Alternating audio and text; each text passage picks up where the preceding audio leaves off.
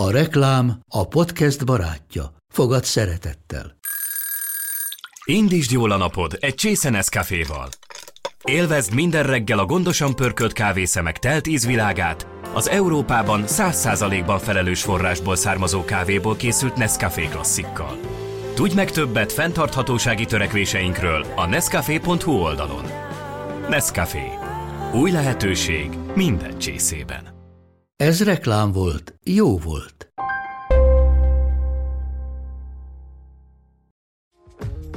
Egy generációnak segített abban Vekerri Tamás, hogy jobb szülővé váljon. Mégpedig épp azzal a tanácsával, hogy ne akarjunk tökéletes szülőkké válni. Mert a gyereknek arra van szüksége, hogy szabadon játszon, hogy a szülő legfeljebb terelgesse. Vekerdi Tamás a két világháború között született. A gimnázium után a jogi egyetemet végezte el. Helyét azonban nem találta meg ezen a pályán, így házi tanítóként kezdett dolgozni. Az ELTE pszichológia szak elvégzése után a neveléskutatás és oktatás irányába fordult. Dolgozott többek között kerületi nevelési tanácsadóként, majd az Országos Pedagógiai Intézet főmunkatársaként. Pályája 1987-ben ért mérföldkőhöz, nevéhez fűződik az első magyarországi Waldorf óvoda és iskola megszervezése. Mert hogy Vekerdi nem hitt a klasszikus, poroszos iskolai oktatásban. Azt mondta, ez a fajta iskolarendszer betegít. Nem a gyerekért van, nem a diákot tanítják, hanem a tananyagot. Vekerdi 84 éves korában hunyt el, de azóta is sok anya mondogatja a vasalódeszkára pillantva. Ma sincs vasalás. Ez a Felforgatók, a Bátrak podcastje Kadarkai Endrével.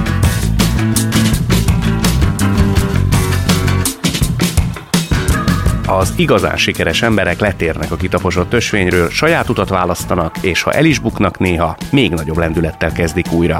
Ők azok, akik átírják a játékszabályokat, szembe mennek az árral, és sikerre visznek valamit, amiben hisznek.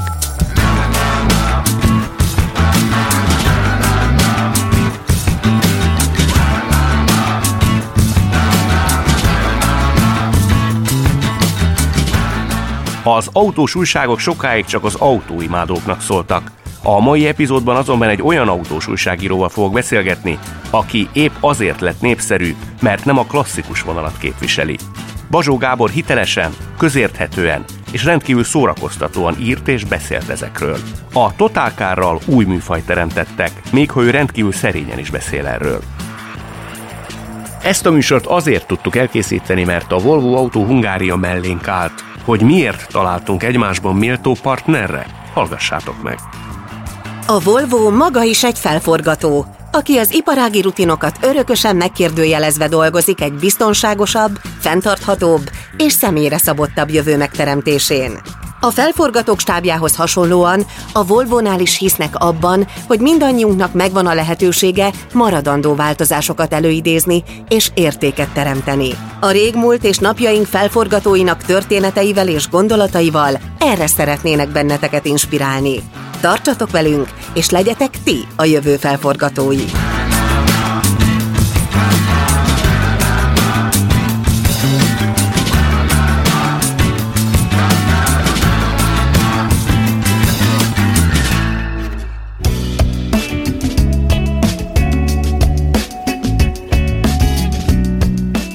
Én az a fajta kisgyerek, meg felnőtt voltam, akiket, vagy akit az autó teljesen hidegen hagy. Tehát én katonáztam, és az autókhoz hozzá se nyúltam, vagy a matchboxokhoz. Nekem el tudod azt mondani, hogy én miről maradok le, ha engem nem érdekelnek az autók?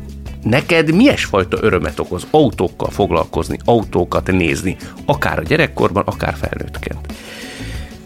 Szerintem ebben nincs jelentősége különösebben annak, hogy az autó. Tehát az autó az azért egy viszonylag hálás alany, mert annyira régen és annyira sok szálon épült bele az életünkbe, hogy bármi van, ami téged akkor éppen foglalkoztat igazából, annak tud lenni valamilyen autós vetülete, tehát tudsz úgy foglalkozni látszólag az autókkal, hogy közben tök mindegy, ami éppen téged foglalkoztat, valójában azzal tudsz foglalkozni.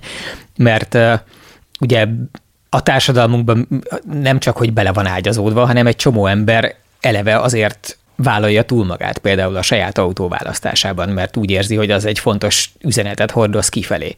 És ezekkel foglalkozni az valójában nem az autóval foglalkozás, és azért nem pusztítóan unalmas egyébként autókról írni, mert valójában mindig hozzá lehet csomagolni valami mást, meg lehet azzal foglalkozni, hogy az, ami azon túlmutat, hogy egyébként mit csinál az autó. Értem, tehát ennek van egy több mélysége, vagy egy több rétegűsége, de miért pont az hmm. autóban nyer ez a te számodra kibontakozást? Szimbólumként, metaforaként. Hát ezt most már én igazából nem tudnám megmondani. Tehát a, tényleg szerettem a matchboxokat gyerekkoromban, de én azért nem úgy emlékszem a saját életemre, hogy az végig a, az autózás bűvöletében telt volna. Pont a, az ilyen kamaszkor környéke, ami mondjuk a mert egészen a kiskamaszkorra húznám, tehát mondjuk iskolás koromtól a középiskola végéig egyáltalán nem, nem ez foglalkoztatott, Akkor és soha nem gondoltam úgy. Hát irodalom, annak mindenféle része, szerettem egy csomó tantárgyat, aminek ahhoz igazából nincs köze, de az erősen kapcsolódott mindig ahhoz is, hogy éppen hova jártam iskolába és kitanította, tehát a fazekasos időszakban nagyon szerettem a fizikát például. Mert hogy téged szekáltak a tanárok az előző iskolába, ugye? Hát szekálni nem szekáltak. Akkor mi a jó kifejezés? El kellett jönnöd, vagy eljöttél? Az anyám át, átmenekített ötödik után a Szemere nevű általános iskolából, hova jártam addig, ahol hogy szekáltak volna, arra nem emlékszem, hogy nem volt meg az én helyem, és hülyén éreztem magam, és féltem bizonyos tanároktól és bizonyos óráktól. Arra emlékszem. És az is igaz, hogy nem nagyon kapott el ott semmi se. Tehát a szemeréből nem tudok felidézni olyan embert, vagy időszakot, vagy tantárgyat, vagy témát, vagy bármit, ami érdekelt volna. Ez a szerinted ki Félelemre arra emlékszem. Azért nem jó, hogy egy gyerek fél. Azt, azt gondolom, nem. akkor az nem rajtad múlt. Tehát az inkább a Ezt közegen is. A nyilván sose tud a gyerekem múlni. Igen. Igen. Nem tudom megmondani, hogy miért, biztos közrejátszottak az ottani konkrét pedagógusok, meg akkor az akkori hangulat, de hát ezt nagyon nehéz lenne egy utólag visszakutatni, és akkor onnan át, átkerültem a fazekasba, hatodikra, ami egy elég nagy sok volt, mert ugye ott én nagyon hülyének éreztem magam teljes joggal mindenki máshoz képest, mert ugyan a fazekasnak a középiskolája híres, és nem az általánosa, de hát azért elég jelentős volt a különbség az akkori szemre és az akkori fazekas között az általános iskolában is. És aztán igazából annak a közegnek köszönhetem én sok részben azt, ami végül lettem, mert egyrészt ott volt olyan irodalomtanárnőm, aki mellett elkezdett rohadtul érdekelni a, az olvasás is, meg az írás is, Másrészt ott lett olyan fizikatanárnőm, akit szintén nagyon szerettem, és aki szintén nagyon érdekes dolgokat tanított, és ami igazából mindezeknél a konkrét személyeknél, meg a tantárgyaknál is sokkal fontosabb volt, mert még lehetne emlegetni néhányat, az az, hogy ott lett meg az, hogy keményen nekiállni tanulni, akkor is, amikor egyébként nem lenne hozzá kedvem, de valamiért mégis ne- megcsinálni, és így végig tolni, azután ad olyan típusú kielégülést, vagy örömöt, vagy dopamin löketet az embernek utólag, hogy megérte vele szívni. Nyilván ez az is kellett, hogy a motiválásban abban egy csomó stressznek is ott föl kellett merülnie, mert az általában úgy szokott lenni, de ők megoldották, hogy az jófajta stressz legyen ugyanez a jófajta stressz megvolt a reklámügynökségnél is, mert hogy ott kezdtél el dolgozni, és azt pár év után ott hagytad. Volt jófajta stressz is benne, mert eleve rohadt imponáló volt az, hogy el lehetett kezdeni valahol dolgozni pénzért. Úgyhogy nem is én kerestem. Tehát nekem az életemből az, hogy munkahelyet keresek, az teljesen hiányzik. Hanem úgy történt, hogy én iskolába jártam, és aztán engem onnan kikért egy, egy munkahely. Mi alapján?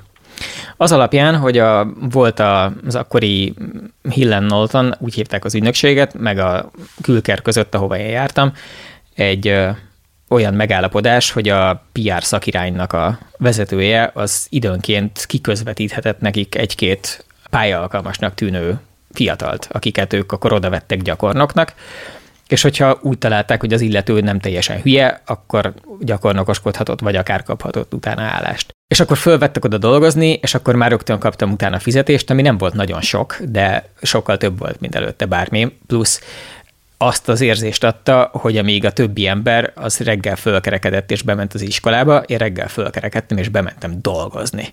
És azért az, az nagyon más és ilyenkor az tök másodlagos, hogy egyébként a munka, amit végzek, az jót tesz az emberiségnek, meg mennyire kielégítő, meg ilyenek. Mert hogy téged nem elégített ki különösképpen. Engem eleinte tökre kielégített. Én azért vesztettem el egy idő után ott a lelkesedésemet, mert ami abból a részéből jött, hogy pénzért dolgozom, az úgy azt megszokja az ember egy idő után. Tehát ha már dolgozol, akkor annak különösebben nem örülsz már, hanem az csak úgy a dolgok normális folyása. És egyszerűen az lett, hogy unalmasak lettek a munkanapjaim nagyobb részben, és közben meg teljesen véletlenül beesett a totálkár. De hogy nem, nem, nem, nem úgy, hogy én addigra elhatároztam volna, hogy akkor én elmegyek a Hillenoltomból, simán lehet, hogy lehúztam volna ott még éveket akár. Azért az érdekes.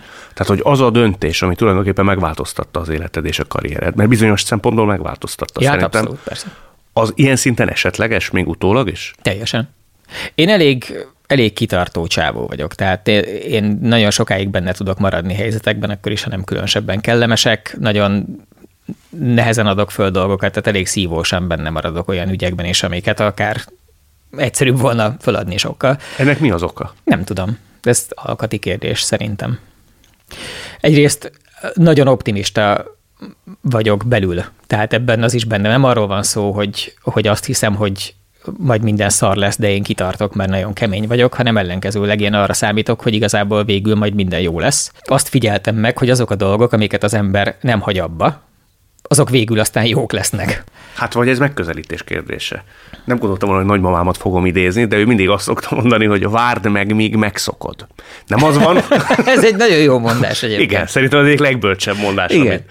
Szóval nem az van, hogy az ember egy idő után megszokja, és elkezdi jónak látni azt, ami korábban bántotta a tekintetét. Hát ez is lehetne éppen, igen.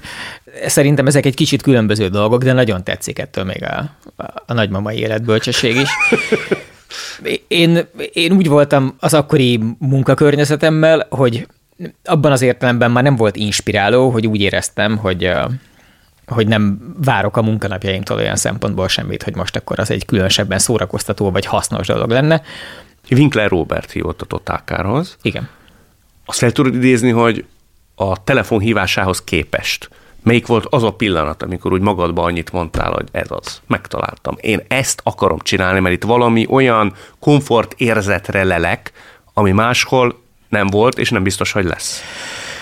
Ö, ezt, ez egy e-mail volt, és igazából a megérkezése, tehát a, még igazából talán is tudom, hogy el kellett olvasnom, vagy lehet, hogy már a subjectből kiderült, hogy itt kb. miről van szó, és igazából akkor tudtam, hogy ez most itt, akkor ez nekem nagyon jó.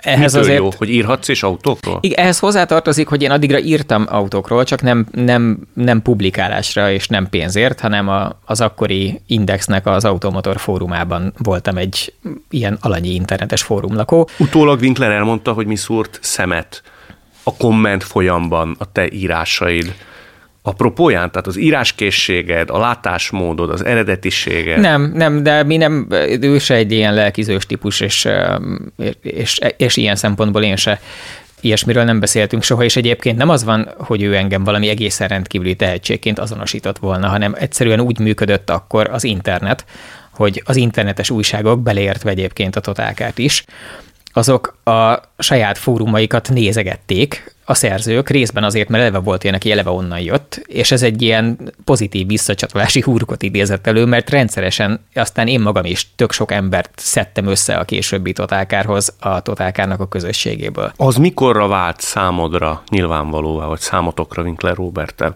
hogy az, ahogy ti hozzányúltok, vagy ahogy ti látjátok az autókat és az autós média megjelenítést, az valami egészen formabontó a korábbiakhoz képest. Tehát ha nagyon eredetien akarom kifejezni magam, akkor azt mondom, hogy műfajt teremtettetek bizonyos tekintetben. Ez nagyon jól esik, de szerintem ez nem igaz. Én azt mondanám, hogy van egy olyan attitűd, ami a magyar akkori autós szaksajtóban nem volt jelen, de ez nem jelenti azt, hogy egyébként ez műfajteremtés lett volna, csak simán a magyar akkori sajtóban nem volt ilyen. Milyen volt az akkor? Ódivatú, poros, sablonos? Ódivatú, ezek, ezek mindig azok rá, illetve ami még nagyon hozzátartozik ez, mert ezek inkább ilyen stiláris uh, fogalmak voltak, amiket mondtál, de hogy volt az egésznek egy olyan a stíluson túlmutató, ugye ilyen alapvető attitűdje, hogy az autós szakma és az autós sajtó úgy tekintett egymásra, mint akik egy hajóban neveznek közösen. Tehát egy, egy csónakban tartózkodnak mindketten, és mindkettőjük kezében van egy-egy evező, csak az egyik az az autókat gyártja vagy értékesíti, a másik pedig a, az autós tartalmat állítja elő.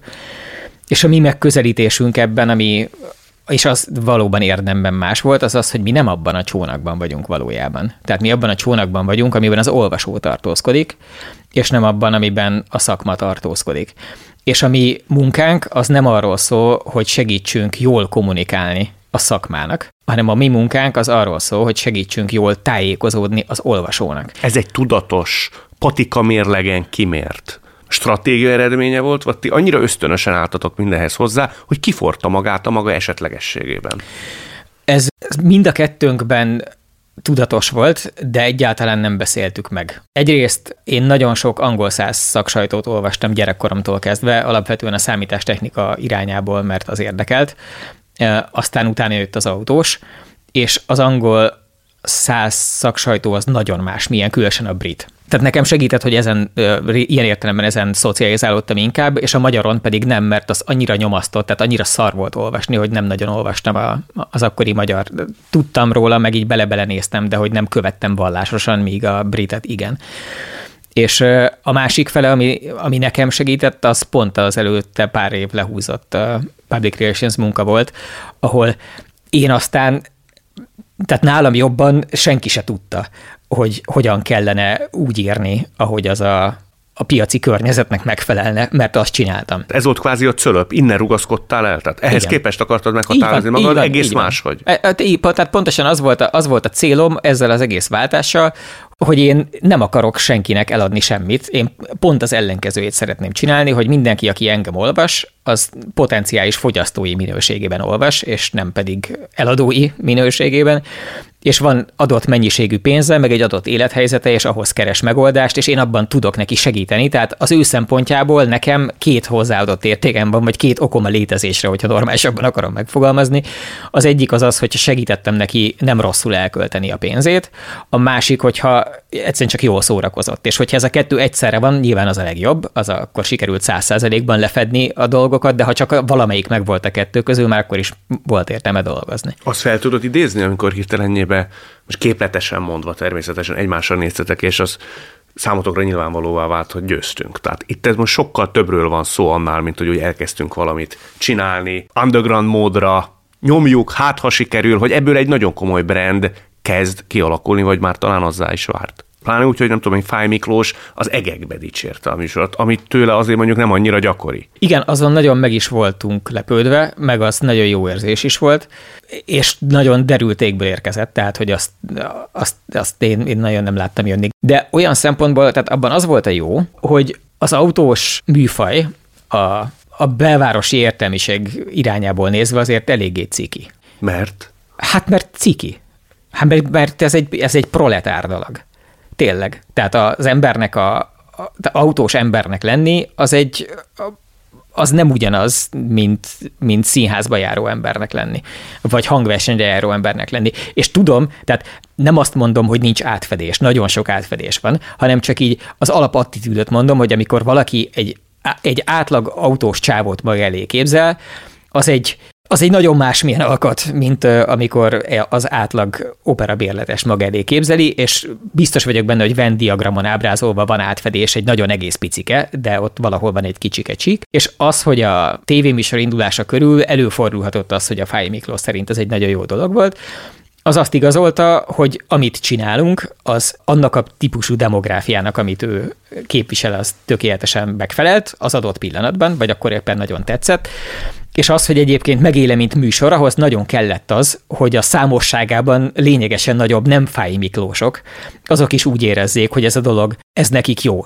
Mi meg akkor csináltuk jól, hogyha ezek egyszerre tudtak teljesülni, tehát hogyha egyszerre lehetett teleszájjal röhögnie rajtunk valakinek, aki egyébként azt élvezte benne, hogy mi ugyanúgy beszélünk, és ugyanúgy próbáljuk ki, és ugyanazokat a dolgokat mondjuk, és látszólag ugyanolyan csávók vagyunk, mint ő, és mindeközben a Fáj Miklós is úgy érezhette, hogy volt abban valami, ami elég jó volt neki ahhoz, hogy ő úgy érezze, hogy az egy darab jó tartalom, és ezt egyáltalán nem tudatosan csináltuk, nyilván nem is tudom, hogy hogy lehetne ilyet csinálni, szerencsénk volt vele, vagy nem tudom, tehát valahogy ez egy jó, felállás volt. Ti elsősorban kollégák voltatok, mint sem barátok, ugye? Igen. Ez, ez, ez tulajdonképpen az egészen az elejétől kezdve így van, azzal együtt, hogy azért volt egy jó pár olyan évünk, amikor szerintem több időt töltöttünk együtt, mint a rendes élettársak, vagy férj és feleségek, a, a, főleg a tévézésnek az első pár évében, mert ugye az úgy indult a TV2, hogy ez egy heti tévéműsor volt, ami azt hiszem ráadásul 48 héten volt az 52-ből,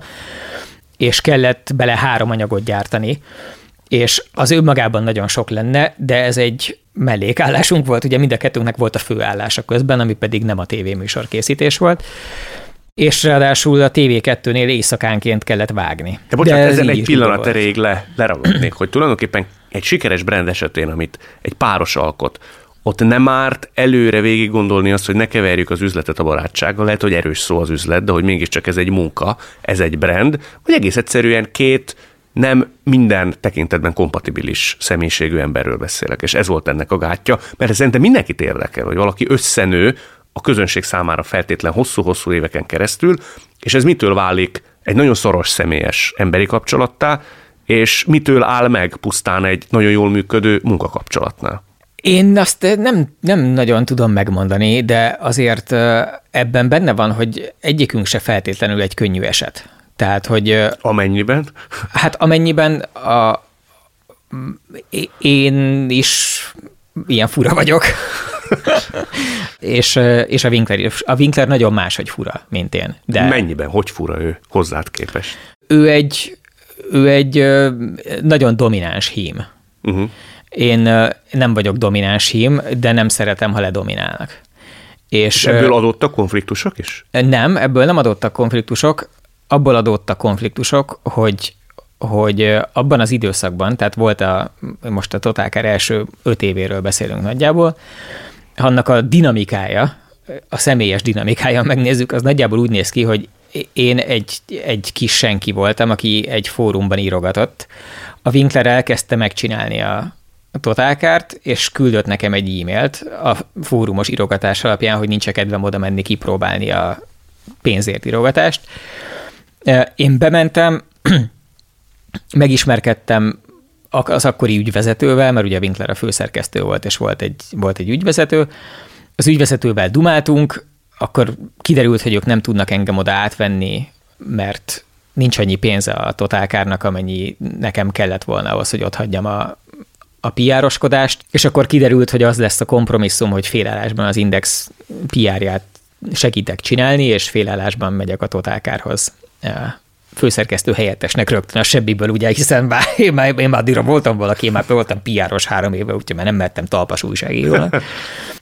És akkor el, mire kitaláltuk ezt a konstrukciót, és akkor mire, mire letelt az én felmondási időm a Hillenoltonnál, és ténylegesen átvettek, addigra azt az ügyvezetőt már kirúgták, és lett egy másik. És én ezzel a másik ügyvezető alatt kezdtem el dolgozni, akit aztán azt hiszem három hónappal később kirúgtak, és aztán én lettem az ügyvezető. Az odaérkezésem után valahány hónap, most vissza kéne nézni a papírokat, mert nem emlékszem, de mit tudom én, három és hat hónap közötti idővel nagyjából a megérkezésem után, egyszer csak én lettem a az ügyvezető, és elvileg a, ilyen értelemben a Winkler főnöke is, hiszen én voltam a munkáltató. Ahhoz képest, hogy eredetileg ő hívott téged? Ahhoz képest, hogy néhány hónappal korábban ő hívott engem oda egy, egy fórumból. És ez járt, ha jól settem, surlódásokkal? Nem, ez még nem járt surlódásokkal. Surlódásokkal a, a, a mindennapi operációnak bizonyos döntései jártak időnként. Tehát, hogy előáll az a helyzet, amikor ő gondol valamiről valamit, és én is gondolok valamiről valamit, és az a kettő nem ugyanaz. Általában ezt kidöntötte akkor el? Itt az volt a felállás, hogy amennyiben ezek tartalmi természetű dolgok voltak, akkor azokat ő döntötte, amik, amennyiben a cég működésével kapcsolatos, vagy munkavállalókat érintő dolgok voltak, akkor azokat én döntöttem el. És az az, az érdekes, hogy minél minél messzebbre nézünk, és minél inkább a tartalomra nézünk, annál egyértelműbben ugyanazt gondoltuk a dolgokról. Tehát ugyanolyan, ugyanolyan újságot akartunk, ugyanolyan tévéműsort akartunk, ugyanolyan cikkeket akartunk, ugyanazokat a szerzőket tartottuk nagyjából jónak.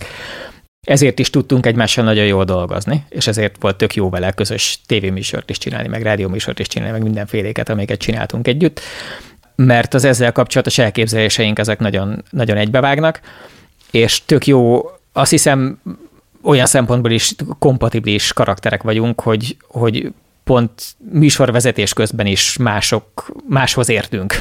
Tehát, hogy más az, ami neki megy természetesen, és más az, ami nekem megy természetesen, de ezek nagyon jól tudnak találkozni, amikor épp minden rendben van. Na most ugye emellett azért neked volt egy másik lábad, vagy nem is tudom, minek nevezzem, azért te tartalomgyártásért feleltél nagyon hosszan, és nagyon kívülről legalábbis úgy tűnik, hogy nagy befolyással. Te tulajdonképpen ott üzletember voltál, vagy vagy, vagy inkább újságíró? Hát édes jó Istenem, ezt nagyon nehéz megmondani. uh, igen, nekem, ugye kívülről tényleg, ha valaki követte valamelyest azokat a dolgokat, amiket uh, tartalmilag csináltam, akkor az úgy néz ki, mintha én alapvetően egy újságíró lettem volna, de valójában igen, az elmúlt húsz évből az időnek messze túlnyomó részében a fizetésemet ezt alapvetően nem ezért kaptam, hanem vagy valamilyen média cégnek a vezetéséért, ami ugye a Totalkár volt az első hét évében, aztán a, az Indexnek az Index Video nevű videógyártó és videó megosztó üzemeltető megfejlesztő cége, és aztán jött ez a kreatív igazgatásnak hívott uh, ilyen, nem tudom, internetügyi igazgatás, és ezért mindig csak a, az ilyen hulladék időhasznosításban lehetett tartalmat csinálni, és ez engem rettenetesen nyomasztott is. Mert hogy mindig azzal kínosztam magam, hogy, hogy miféle jó dolgokat nem csinálok én most azért, mert itt ülök ezen az egyébként szintén viszonylag fontos megbeszélésem, vagy emögött a nagyon fontos Excel tábla mögött. Miért nem váltottál? Gyávaságból. Gyávaságból? Persze. De mihez kellett volna a bátorság? Feladni a biztos pozíciót, a perspektívát, a pénzt, vagy miben nyert teret a te bátortalanságod? Ezek mind, ezek mind benne vannak. Aztán az is benne van valójában, hogy a, én azoknál olyan média cégeknél dolgoztam, mint újságíró, vagy műsorvezető, vagy hívjuk, aminek akarjuk, amiknek közben én voltam a munkáltatója is. Tehát soha nem kellett attól félnem, hogy egy olyan egyébként tartalmilag rohadt konfliktusos területen, mint ahogy azt mi elkezdtük csinálni a Totálkárnál, hogy majd jön egy ember, aki másképp gondolkodik erről, és majd kirúg. Számomra a, annak a garanciája, hogy nem lesz egy seggfej főnököm, az volt, hogy én voltam a főnök. Én nem szeretek különösebben embereket ilyen manageriálisan irányítani, sőt. Melyik volt az a fázis, vagy melyik voltak azok a fázisok, amikor leginkább iszketett a tenyeret, hogy miért nem írsz, miért nem műsor gyártasz, miért nem saját terveidet valósítod meg? Amit nem szeretek a a menedzserkedésből az a, a más embereknek a munkára bírása. Tehát, hogyha a motiválatlan alkalmazott rugdosása az valami, amit én nagyon nem szeretek csinálni. Olyankor mit csinálsz? Hát ez azon múlik, hogy mit akarok a pozíciótól. Tehát, ha komolyan gondolom a, a feladatomat és a pozíciót, akkor elküldöm. Ha, Elküldöd? Persze. Az könnyen megy? Nem, de sokkal könnyebb, mint, mint valakit benne tartani, és jó működésre bírni egy pozícióban, ami, ami nem jó neki. Ha azt érzem valakin, hogy alapvetően nagyon motivált, csak nem működik jól azon a területen, ahol van, akkor keresünk neki valami másik területet, amennyiben lehetséges. Hogyha azt érzem valakin, hogy alapvetően nem motivált, nem akar különösebben, akkor nincs értelme azon küzdeni, hogy abba tegyünk bele motivációt, hanem akkor ő egy, az életének egy rossz területén van, tehát akkor a saját életében nem találta meg azt, ami, amiért ő szívesen, vagy amiben annyira vidáman feloldódik, hogy szívesen csinálja a lelkesedéssel, és azt viszont nem nekem kell megtalálni. Tehát, hogy azonnak az illetőnek a feladata, hogy megtalálja, hogy az ő életében mi az, amiért szívesen teper. Ilyen formán 20 év alatt hány hasonló döntést kellett hoznod? Hát nem tudom. De sokat akkor ezek szerint. Voltak időszakok, amikor többet, voltak időszakok, amikor kevesebbet. Én nem vagyok egy, tehát most pont ezen a, tehát ez volt az első nyomvonal, amin elindultunk, de onnan jutottunk ide, hogy ezt például nem szeretem csinálni, és én tehát nem voltam egy vérengző főnök, sőt, én sokkal hajlamosabb voltam arra, és egyébként a Winklerrel kapcsolatos közös feszültségeinknek egy nagy része pont ebből jött, hogy én sokkal szívesebben ülök rajta konfliktusokon és szarműködéseken sokáig, mint sem, hogy az adott illetőt kirúgjam, elküldjem, lecseszem, mert, mert azt nagyon nem szeretem csinálni. Azt mondtad egy interjúban, hogy kedved szerint, vagy ha nyernél a lotton, akkor te ilyen ismeretterjesztő szórakoztató műsorokat csinálnál. Igen. Fogunk szerinted látni tőled még hosszú távon valami hasonló? Tehát egy totálkárhoz hasonló, nem feltétlen autókkal kapcsolatos, de ilyesfajta megvalósulással járó és a te személyedre épülő műsort? A lotón nem nyertem eddig, de még ettől még mehetnek a dolgok abba az irányba, hogy lássunk ilyet. Az a nehéz, hogy én piaci értelemben annál sutább és gátlásosabb vagyok, minél közelebb van hozzám az adott termék. Tehát amikor arról volt szó, hogy a totálkárt kellett a piacon képviselni, akár lényegében mindennek az ellenében, az éjhalál környékén is. Mert ilyen is volt. Mert olyan is volt, amikor elindultunk. Hogy teljesen kilátástalannak tűnt. Ö, igen, eléggé kilátástalannak tűnt a mondjuk 2002-3 környékén. Akkor mi vitt? Tehát hittetek benne a tehetetlenségi nyomat? Tök jó volt csinálni. Az, az hogy nem, tehát egzisztenciális félelmeim nem voltak, mert tök fiatal voltam, és tudtam, hogy nem halok éhen, mert bármikor hazatakarodhatok az anyukámékhoz enni és aludni, hogyha arról van szó. Volt előtte egy olyan munkahelyem, ahol nem azt csináltam, amit szerettem, de az is tök oké volt, tehát tudtam, hogy azt is ki lehet bírni simán, és annak is tud jó lenni jó része, és ehhez képest ugye lett egy olyan munkahelyem, ahol végre teljesen azt csinálhattam, viszont totális szabadsággal lényegében, amit szerettünk volna, és az meg egy iszonyú jó érzés volt, úgyhogy föl sem merült, hanem csak így tettük az egyik lábunkat a másik elé, és aztán így végül lett belőle valami. És ezzel szemben, amikor arról van szó, hogy a saját, tehát az olyan tartalomra gondolok, amit konkrétan én csinálok, ott a körül nem nincs bennem ugyanez. Tehát, hogy igazából az van, hogyha ha most így valaki megkérné, hogy hello, én vagyok a producer, és nem csinálunk-e ilyesmit, és azok jó feltételek, akkor azt mondanám valószínűleg, hogy persze, persze, persze, de úgy, hogy nem ez van, hanem nekem kéne saját magamnak összeszedni, annak nem állok neki. Annyi mindennel foglalkoztál, és olyan sok mindenről beszéltünk most, hogy meg tudod azt fogalmazni te két mondatban. Miben áll a te tehetséged? hát nem.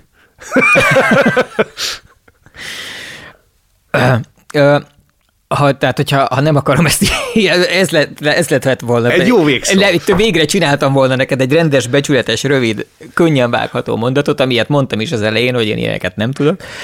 De hogyha ezt rögtön tönkre akarom tenni, akkor igazából azt hiszem, hogy, hogy én pont ehhez az újra csomagolás dologhoz értek. Uh-huh. Hogy vannak dolgok, amiket elfogyasztok, vagy dolgok, amiket megtanulok, vagy megértek, és utána van kedvem, és tudom is addig cicomázni, csomagolni, faragni, egyszerűsíteni, bonyolítani, mit tudom én, ameddig az több ember számára magától elfogyasztható lesz.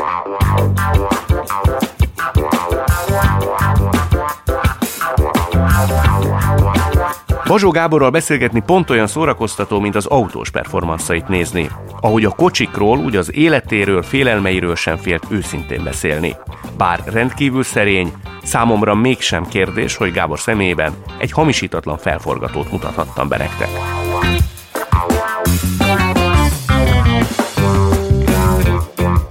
A világot a felforgatók teszik jobb helyé. Konfliktusokat vállalnak, mert hisznek valamiben, nekik köszönhetjük a fejlődést. Magyarországon is vannak felforgatók szép számmal.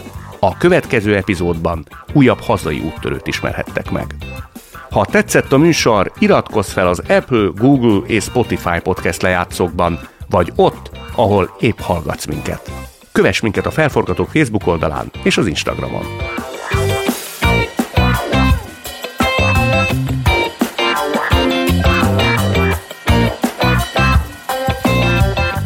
Az epizód szerkesztője Regényi Eszter és Zsillesára, a főszerkesztő Neizer Anita, a gyártásvezető Grögerdia, a zenei és utómunkaszerkesztő Szűs Dániel, a kreatív producer Román Balázs, a producer pedig Hampuk Rihárd.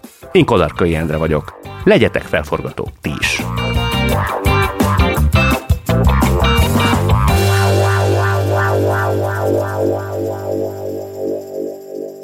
Beaton Studio a Volvo-nál hisszük, hogy a biztonság ma már nem értelmezhető a fenntarthatóságtól függetlenül. Ezért vállaltuk, hogy 2040-ig teljes mértékben klímasemleges és körforgásos vállalattá válunk, és hogy felelős, etikus üzletvitelünkkel hozzájárulunk egy igazságosabb társadalom létrejöttéhez. A fenntartható jövő közös ügyünk, amiért együtt kell dolgoznunk. Forgassuk fel együtt a világot a megteremtése érdekében. Ha más podcastekre is kíváncsi vagy, hallgassd meg a Béton műsor ajánlóját. El tudod képzelni, hogy a podcastet, amit éppen most hallgattál, fél év múlva már a mesterséges intelligencia generálja? Mi sem. De ha érdekel, eljötte már a gépek lázadása. Hallgass bele az Embertelen podcastbe. Orsós Lajos vagyok, a műsor házigazdája. Egyelőre még élőben. Egyelőre. Fedezzük fel együtt, hogyan ismerkedik, randizik, mesél és vitatkozik Betty és Péter, két teljesen mesterséges intelligencia. Lajos, a podcast címét mond még egyszer, Léci. Oké. Okay. Embertelen podcast. Ez egy Béton podcast.